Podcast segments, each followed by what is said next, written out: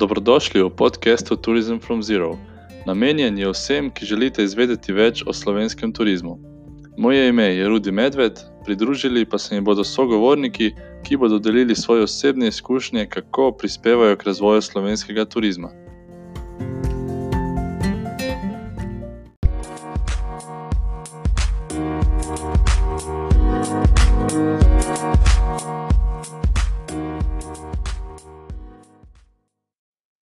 Janez Janko Kodila, znan tudi kot zavetnik prekmurske šunke, je bil naš gost v 19. epizodi podcasta. Govorila sva o transformaciji Prekmurja iz destinacije, ki je bila znana predvsem po velikih zdraviliščih in nizkih cenah, v destinacijo sedaj znano tudi po svojih kulinaričnih specialitetah. Slišali boste, kako Janez in drugi zagnani domačini prispevajo k uveljavljanju Prekmurja kot butično kulinarične destinacije, ki sledi svetovnim trendom na tem področju. Živijo, gospod Janez. Živijo. Uh, se lahko za začetek predstavite in povete, s čim se ukvarjate? Ja, sem Janez Kodila, lastnik in direktor podjetja Kodila DOO oziroma komercialno šunkarne Kodila. Ukvarjamo se s predelavo živil, predvsem mestnih izdelkov smo poznali in pa seveda prekomorska šunka, prekomorska gibanica, dva prekomorska zaščitena izdelka, ker sem predsednik tudi Društva za promocijo zaščite prekomorskih dobrot. Kako se je pa začela vaša podjetniška pot? Ste namreč en zelo uspešen podjetnik v Sloveniji me zanima, kako se je vse skup začelo. Uh, zdaj, uspešnost je relativna, ne, se pravi, trudimo se biti dobri. Uh, izhajam iz družinskega podjetja, v bistvu moj stari oče je že bil privat, prodajalno z mesom, mirni na Dolenskem, ne na tem koncu. Z očetom smo potem 91. leta začeli kot podjetje skupaj delati pod vodstvom seveda mojega očeta, ki je bil živilski tehnolog, tehnolog v Pomorki v tem obdobju. In uh, skozi obdobje se je pač podjetje razvijalo uh, in smo vedno času razvoja podjetja stremeli k kvaliteti, pa eh, regionalnosti. Se pravi, spoštovali smo to okolje, v katerem smo in tudi te kulinarične vrednote probali tudi uveljaviti skozi naše prodajne kanale. Najprej smo delovali regionalno, potem tudi slovenske merilo smo eh, bili uspešni v minulem desetletju. Zdaj se pa tudi, rekel, kar uspešno pojavljamo na tujih trgih, sosednjih držav, pa tudi nekaj na tretjih trgih. Mhm. Kdaj ste se pa začeli resneje ukvarjati tudi s turizmom?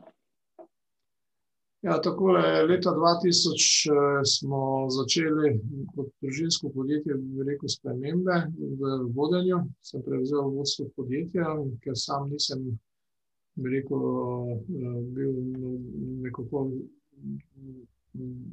da bi delal na mesu, kot na prehrambenem izdelku, sem videl priložnosti v kulinariki, meso kot kulinariko, in pa seveda tudi nas je ta hm, animacija zanimala, se pravi, turizem, ker je tesno povezan z kulinariko. Ne, in tudi naša filozofija, takrat, ko smo prve investicije delali, ker je bila usmerjena delno tudi v turizem degustacijski prostor za promocijo naših izdelkov in predvsem zaščita prekmorske šunke, kot eh, je slovenski eden izmed prvih slovenskih izdelkov, ki je bil zaščiten sklopi Evropske unije. Smo začeli povečevati eh, obseg eh, poslovanja v tem delu ekonomije, ker se nam je zdelo mm, dobra priložnost, seveda rabili smo imeti promocijo, je bila potrebna, potem tudi promovirati te naše izdelke, promovirati, seveda, ne samo naše izdelke, govorim kot regijske, prekmorske izdelke. In smo naredili eno manjšo degustacijsko sobo in eno okno, skozi katerega so ljudje videli, kako se te šunke zverijo. Ta bolj resna zadeva se je pa zgodila leta 2012, ko smo zaključili investicijo, ta večjo investicijo v tem našem obdobju, podjetniškem ker smo se pa tega lotili kot resnega posla, se pravi, na sklopu primarne proizvodnje imamo trgovino, ki je bolj kulinarična, tudi zelo turistično zanimiva, in pa seveda z restauracijo v okviru katere seveda gostimo obiskovalce, ki pridejo k nam, lahko si gledajo zorilnice naše, lahko na vodeni ogled se naročijo in seveda potem imajo pokušino teh naših sušenih mestin. Za zadnjih triletnem obdobju smo pa razvili zelo močen produkt tudi restauracija, ima besedno zvezo Meet, Meet, Eat. Spoznajte, jejte meso, ker imamo pet kuharjev, uspešnih, kvalitetnih kuharjev, ki potem surovino, ki jo imamo pri nas, seveda skozi kuhinjo popelje do lepih krožnikov in seveda to hrano tudi predstavljajo našim gostom. Ja, v bistvu takrat, ko ste se vi začeli ukvarjati, recimo res ne s turizmom pa s promocijo pa z zaščito teh prekmurskih jedi, verjamem, da takrat še ni bilo, še ni bila, še ni bilo Prekmurje prepoznano kot neka kulinarična destinacija.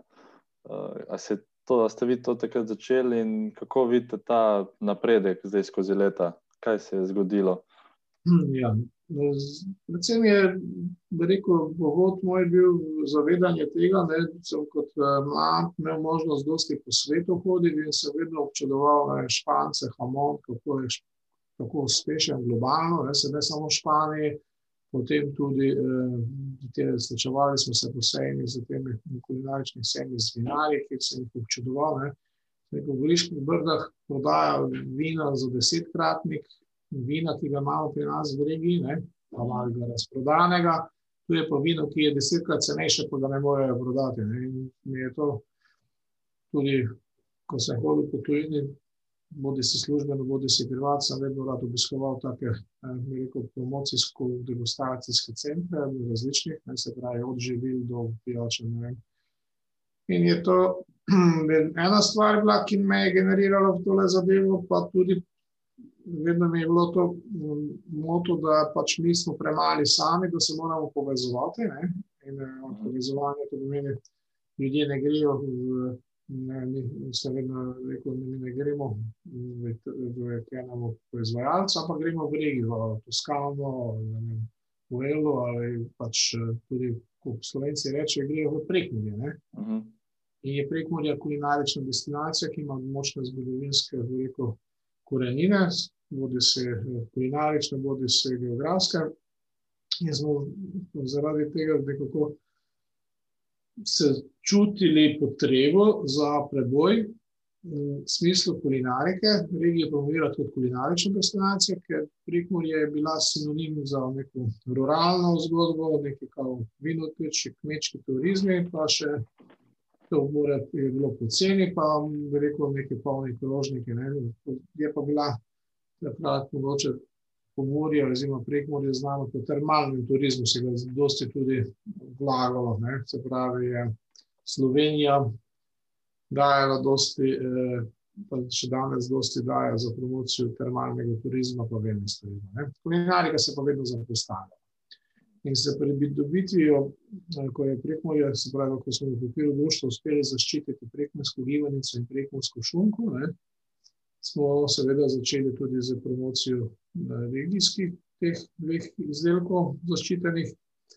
Hkrati smo pa v okviru združenja ustanovili regionalno blagovno znamko Diši po Prekmurju, kjer je bila ta znamka ustanovljena s tem, da vključi tudi ostale nezaščitene izdelke, ki so kulinarično visoko vredni iz regije, ne, se pravi bučna olja, soke, vina, medi, kisi, moke itd. In zdaj smo potem začeli to, v bistvu je bolj bila, se pravi, promocija kvalitetnih prehrambnih izdelkov od malih proizvajalcev. Naše promocije so, bi rekel, bile usmerjene na slovenski trg, se pravi, predvsem smo vsako leto uspešno že štirinajst let na ljubljanski tržnici, izjemo lanskega leta, ko je seveda covid nam to preprečil. Vsako leto organizirali promocijske dogodke. Drugi promocijski dogodek letni, ki je bil pa pomemben za promocijo regije, pa bil Festival prekmurske gibanice in šunke v Murski Soboti, to je pa jesenski termin, kjer smo tudi generirali pač razstavo prekmurskih gibanic, iskali tekmovanja, v bistvu iskanje najboljše gibanice, najboljše šunke.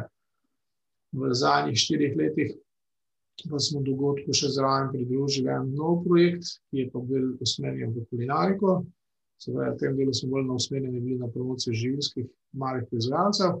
Kulinarika pa se je začela na samem dogodku dodati kot dogodek rekel, drugega dneva. In to je Gourmet Vrmura, kjer smo pa se začeli povezovati z gastronomskimi ponudniki, se pravi kvalitetne gostilne, vinarije.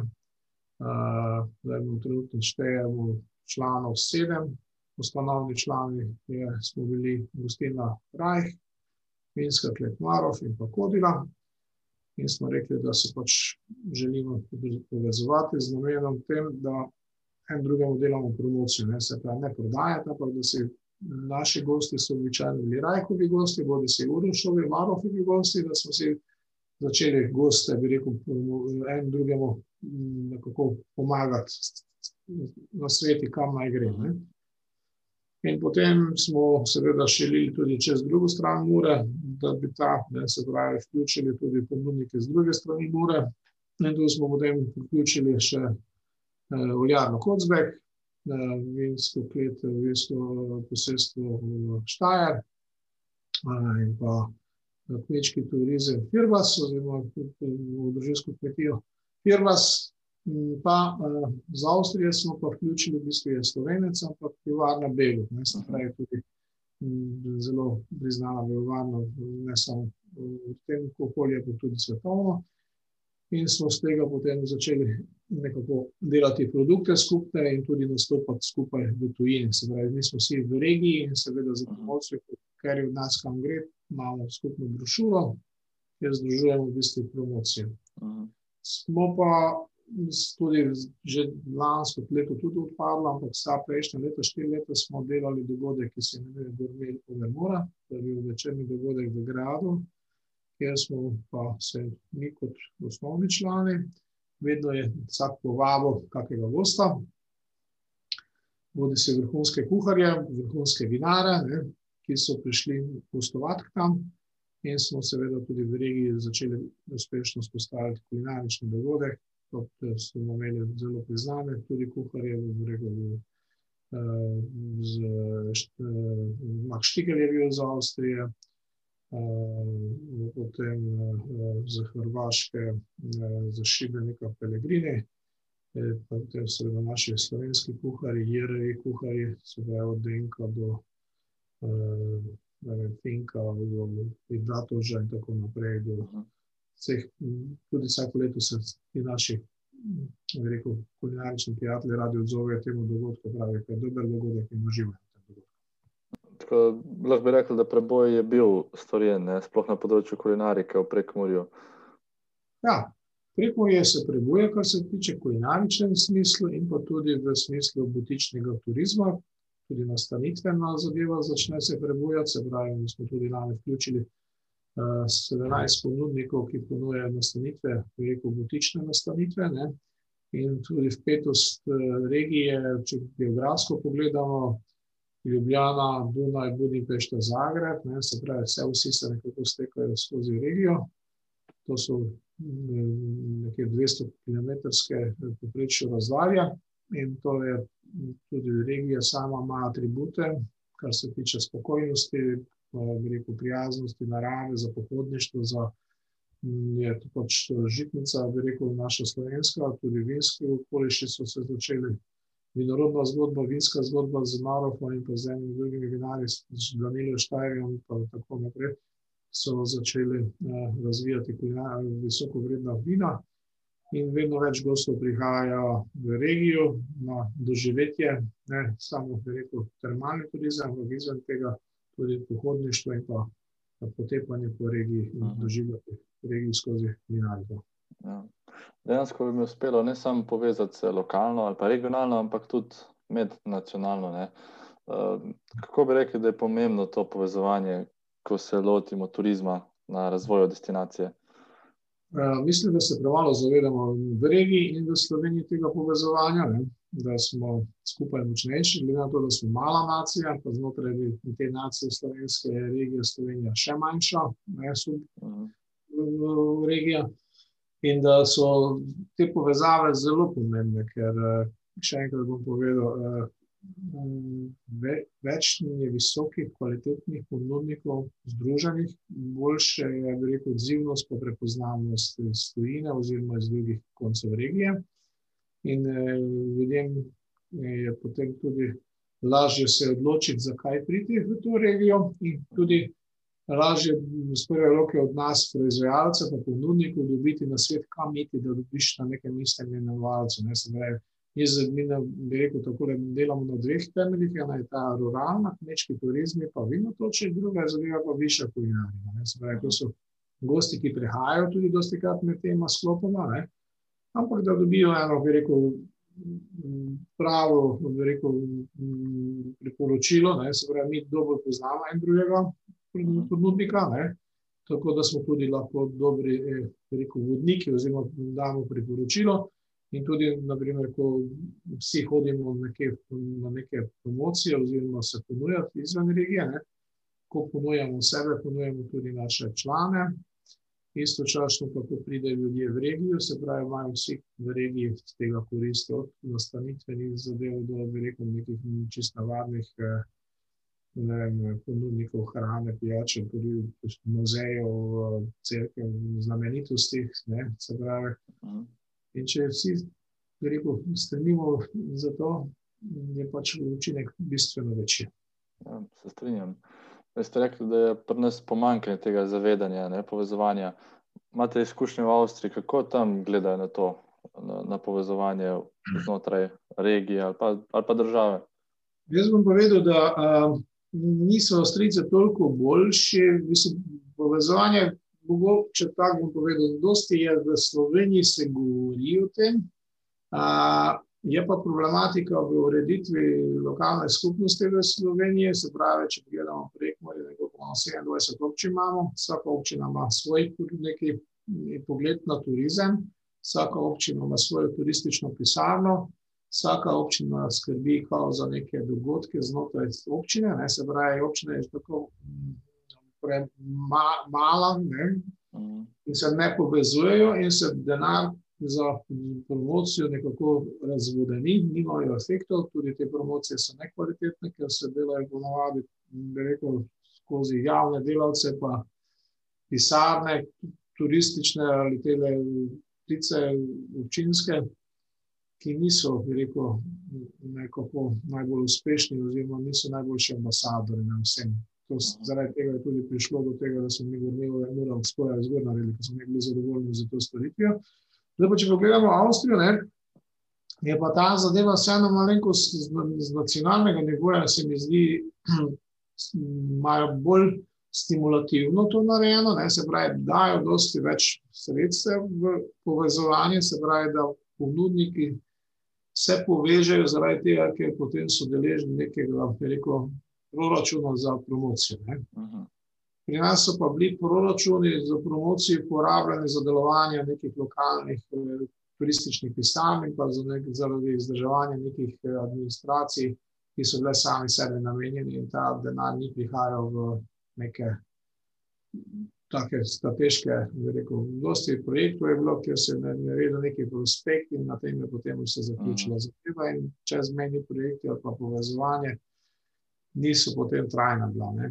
Mi govorimo o tej gurmeju, ali pa diši po prekmurju, to je trajno povezovanje, ki traja več let in to se na dolgo progo dela. In mhm. tudi tujini imajo, jaz koliko poznam tega, predvsem v Avstriji, mogoče so primer ta zgodba v Vulkanland, ne. Mhm. Ampak to je generirano za strani države, in je kar dosti denarja namenjeno za promocijo tega, in potem se seveda lokalni ponudniki vključujejo v to schemo, ker imajo koristi od tega. Pri nas pa bi rekel, to ni tako. In po mojem pravilno usmerjeno.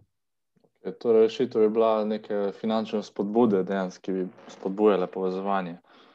Tako je. Finančne pobude, ampak ne, ne, bi nas razpisi na ta sredstva lahko kandidirajo javni zavodi, ne, ki so mhm v okviru županov ne, in potem izvajo neke aktivnosti, ki so sami sebe namenjene. Se pravi, nismo, niso povezani z nami, ki smo na področju realnega sektora, ki delamo v turizmu. Ne. Tu je ta razhajanje.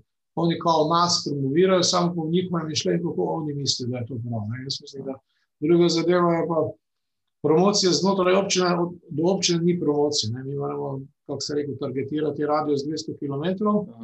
In zdaj, verjamem, da smo mi ponudniki najboljši promotori sami sebe, pa svojih uh, članov.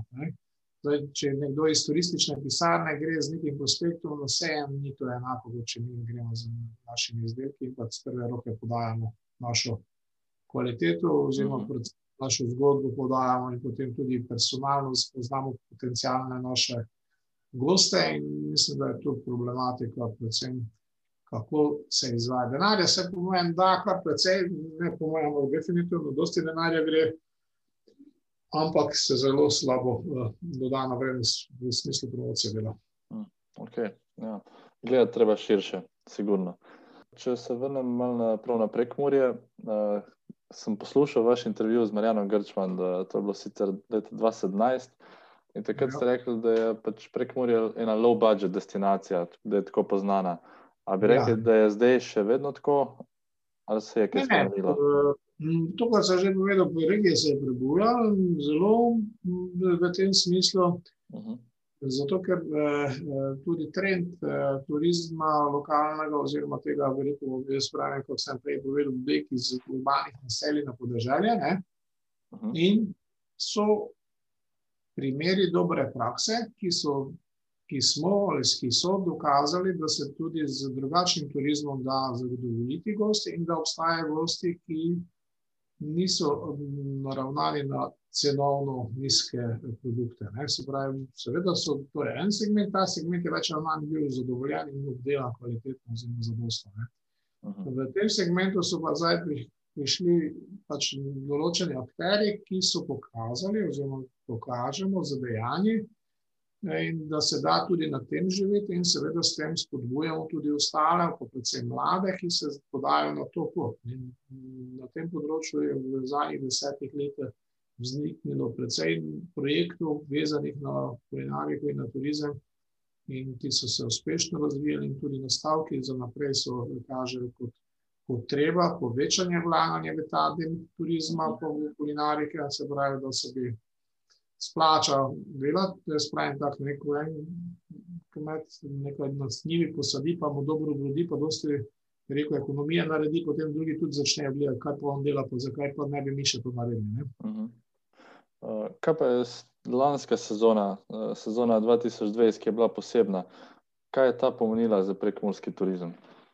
Uh, zelo zanimiva sezona, uh, zelo turbulentna sezona, se pravi, 0 do 100, ne, najprej pač lockdown, prvi, potem uh, so prišli voucheri, zelo um, Slovenija je odkrila pomorje, prekmorje kot destinacijo. Dosti ljudi je prišlo v našo regijo na rekel, vdih, znovčevati vouchere. Je bila regija rekordno obiskana. Tudi eh, raznovrstni turizem bil, ne, se pravi, od tega nizkocenovnega do tega dražjega in dosti ljudi je prek morja na novo odkrilo ali pa prvič odkrivalo.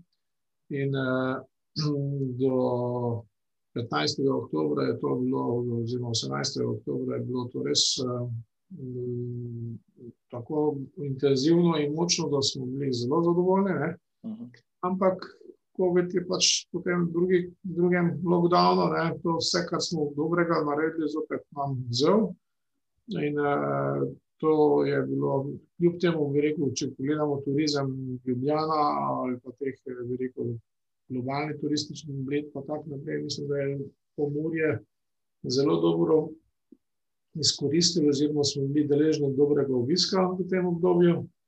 Pa verjamem, da ko bo se ta zadeva konsolidirala, oziroma da se bo ta sprostitve, ko se bojo zgodile, da bo zopet možno potovanje in da bo zopet te obnovčevanje teh eh, voucherov možno, da bo to zopet zaživelo in da bomo imeli zopet. Eh, a kaj je turist odkril v slovenskem, da veliko govorimo o slovenskem turistu, tukaj predvsem, ja. ker tujcev ni bilo, da smo po Muri oziroma prekmuci ne tako daleč.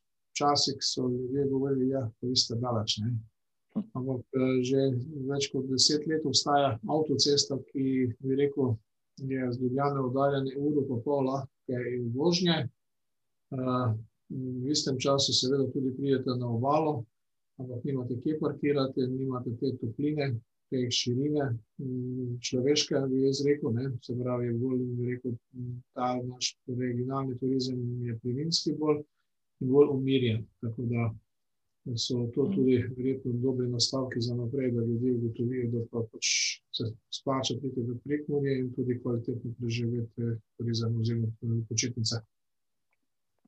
Ja, dejansko bi rekel, da je bilo to zelo pozitivno, ker predtem mislim, da se ni veliko ljudi tukaj zavedalo, dejansko, da pač je tako blizu, da je tako lepo, ne, praktično. In, in prek Murje, in enaki odzivi so v Beli krajini, uh, ko je tudi en tak uh, kraj, ko bi rekel, da ni tisto v prvem planu, da ga obiščeš ne, za slovenskega gosta. Uh, tako da ja, se mi zdi zelo pozitivno. In tu še ne, da mi govorimo o nacionalni zgodbi. Mi pobrajamo še enkrat, jaz smo vdaljeni prek Murje, Zagreb, milijonsko mesto, Dunaj, več milijonsko mesto, Budinšt, Pešta, več milijonsko mesto. Ne?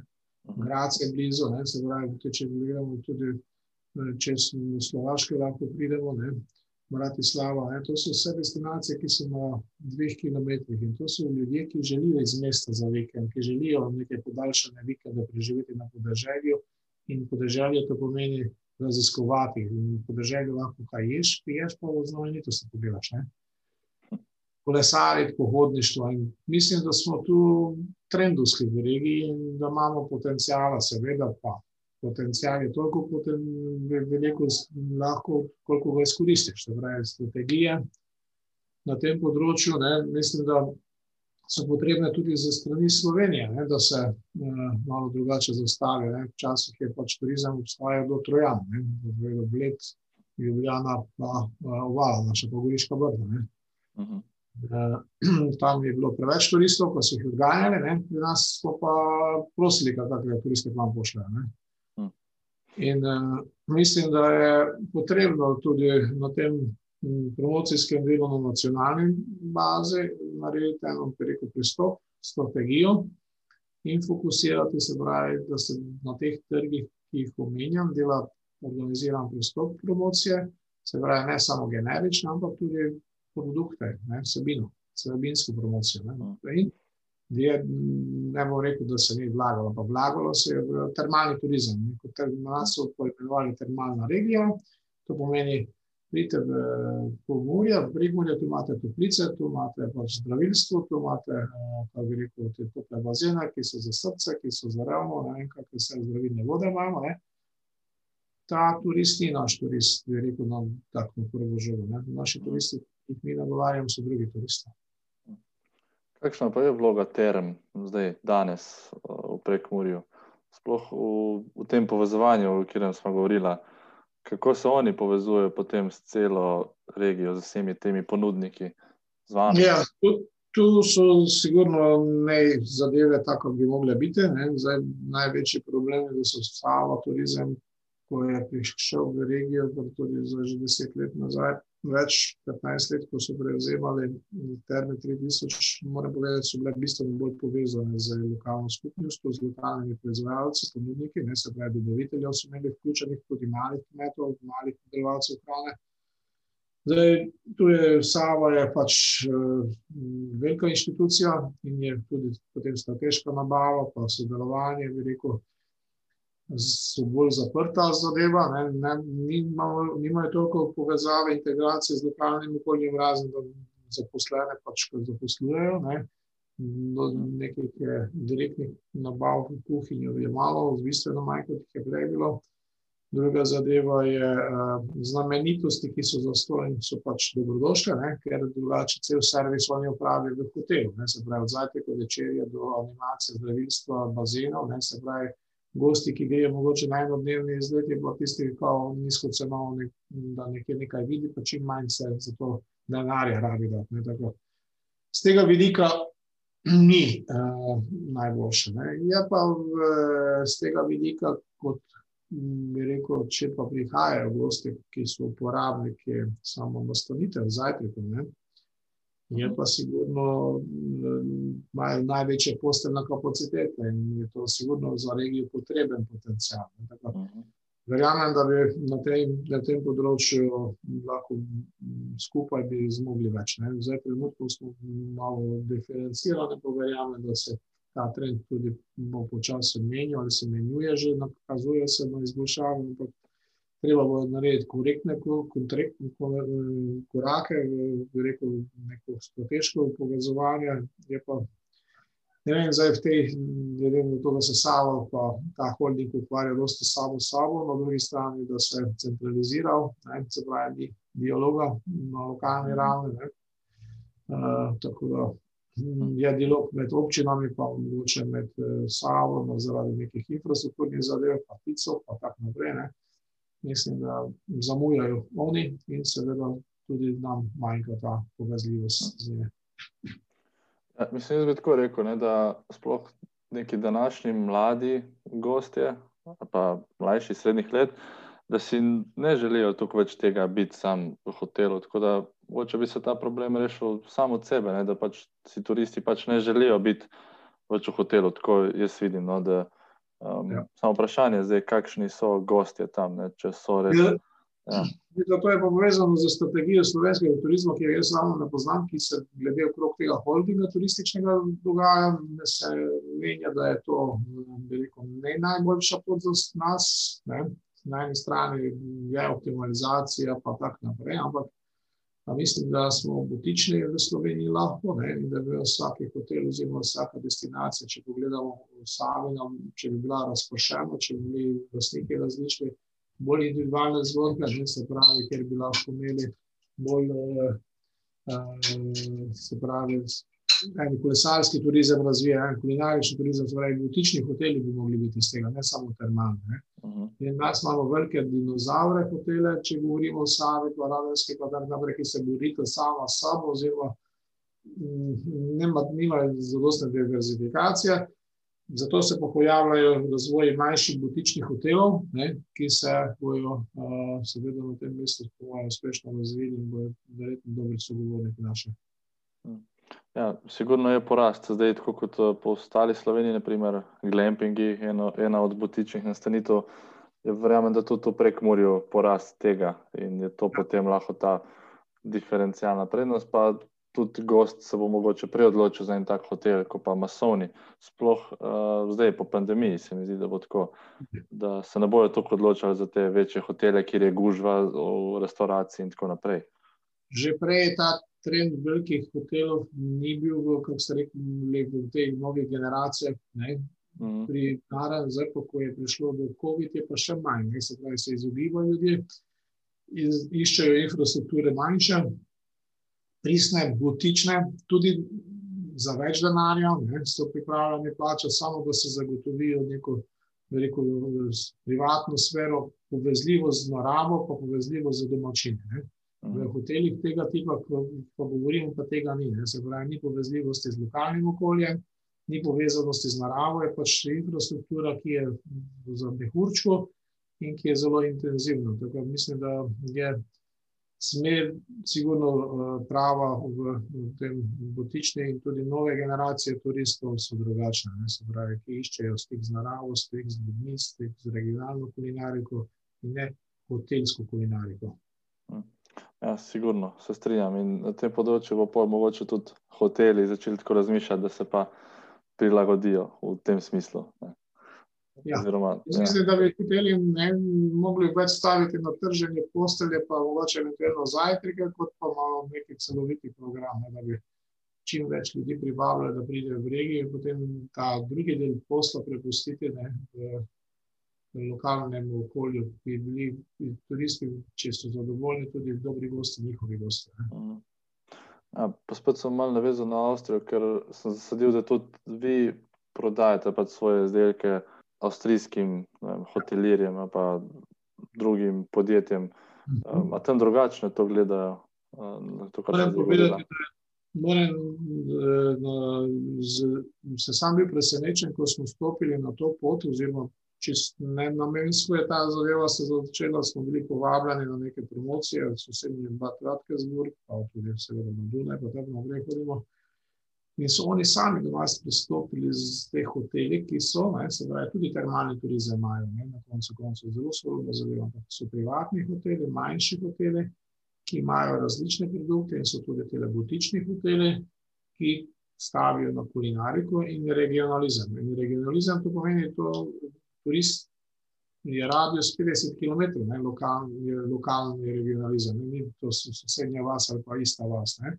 Mhm. In so nas ocenili za dobrega partnera, in moram povedati, da zdaj, nažalost, zaradi COVID-a ne, ampak zdaj čakamo že, da bomo zopet začeli delati, ko COVID se je omaknil. No, oni nam pri zajtrku ponujajo našo šunko in tudi imajo napisano, da pač berunte Šinkenhof kodila o Sloveniji, ne, se pravi, znana šunkarna iz Slovenije, ta izdelek, opis izdelka, in pa seveda nagovarjajo njihove goste, da nas obiščejo. In gosti, ko pridejo nazaj, pač so zelo zadovoljni z priporočilom in seveda so hvaležni hotelirju, da je to njim svetoval. Zanimivo. To je zadovoljen gost, ki potem ima dobro referenco, ko pride domov, pove, veš, tam pa sem bil, pa je dobro bilo, pa sem se dobro počutil, pa so mi svetovali, pa sem bil okrog. Ne? Mhm. In to je, mislim, da je to najboljši marketing. Ja, se strinjam. V- Mislim, v kolikih hotelih pa v Sloveniji prodajate, pa je na tak način eh, predstavljena Nobenem. vaša šunka? Niti en. Ne. No, to, to mi je pa zanimivo.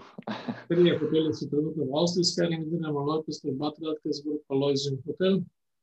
Sedaj in spa, ne, se pravi, to je od nas oddaljeno nekje na razdalji 50 km. In tudi goste od tam dobivamo, ne, kar se nam zdi, moram povedati, da smo zelo veseli in ugotavljamo, oni pravijo, ne, da smo pač regija mi, ne, skupaj, ni meja državna, regijska ja. bodica, kulinarična meja in to je zelo, zelo bi rekel, pametno. Ne? Se pravi, zadovoljiti gosta, ki pride v hotel, ne? Mhm. ker eh, jim je cilj posteljo prodati, seveda imajo tudi tam storitev prehranjevanja, pa imajo zajtrke ali pa kombinacijo. Ne? Tako, no, hočem povedati, da se premikajo tudi zdaj na nekaj se trudijo domači hotelirji, tudi v Moravskih toblicah, da ne moramo. Smo lani oblikovali prvi neki produkt, da imajo skupaj z Sonček, turistično agencijo, da imajo eno večerjo, ko lahko po izbiri pri nas ali pa pri Rajhu, to je prvi zametki. Tako da tudi pričakujem, da prihodnje bomo, ampak zamujamo, ne, jaz pravim, da bi čas za bolj smele korake v to smer bil in bi bilo pametno za vse. Jaz ne, da bi navijal za nas, ker mi pač ne mi nam je to, kako bi rekel, bolj hobi kot eh, v ekonomskem smislu, ne, ampak v marketinškem smislu ima pa dosti pomeni. Ja, In mislim, da zamujamo tu, da bi se dalo več narediti. Če pa nekdo gleda z stališča, bi rekel, ekonomista, ne, čim več denarja skasirati v hiši, pa čim manj stroškov narediti, ne, to pa je, bi rekel, za turizem najboljša.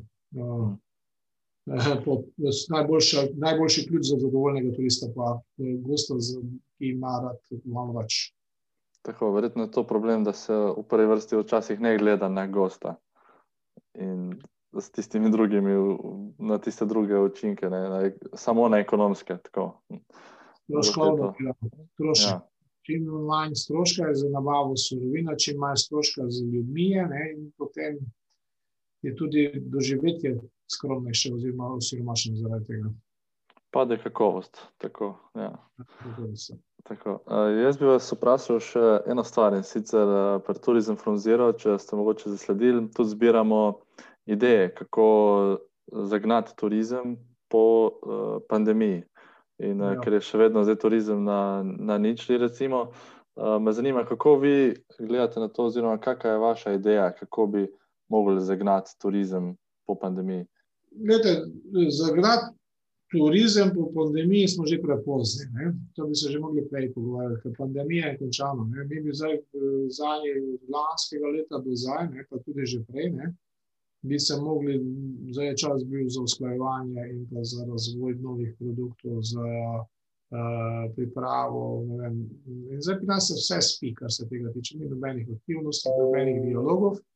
In uh, jaz mislim, da je potrebno razmišljati strategijo petletno. Definitivno pandemija bo zaustavila migracije eh, gostov. Ne? Se pravi, da ne bo več se toliko letalo, oziroma par, vse prva par let ne bo tako migriralo s turizmom, ne se pravi, nadalječ. Kljub temu, da bo Turčija še zdaj dela, pa Egipt še zdaj dela, pa bojo ljudje potovali, ker je tam poceni, pa glede na klimatske zadeve bolj potovali. Mhm. Jaz mislim, da je eh, za to, kar sem zdaj se menila v zadnjih starih vprašanjih, da je treba narediti malo, malo prevetriti tole slovensko strategijo turizma, ne, se pravi, butičnost. Ne.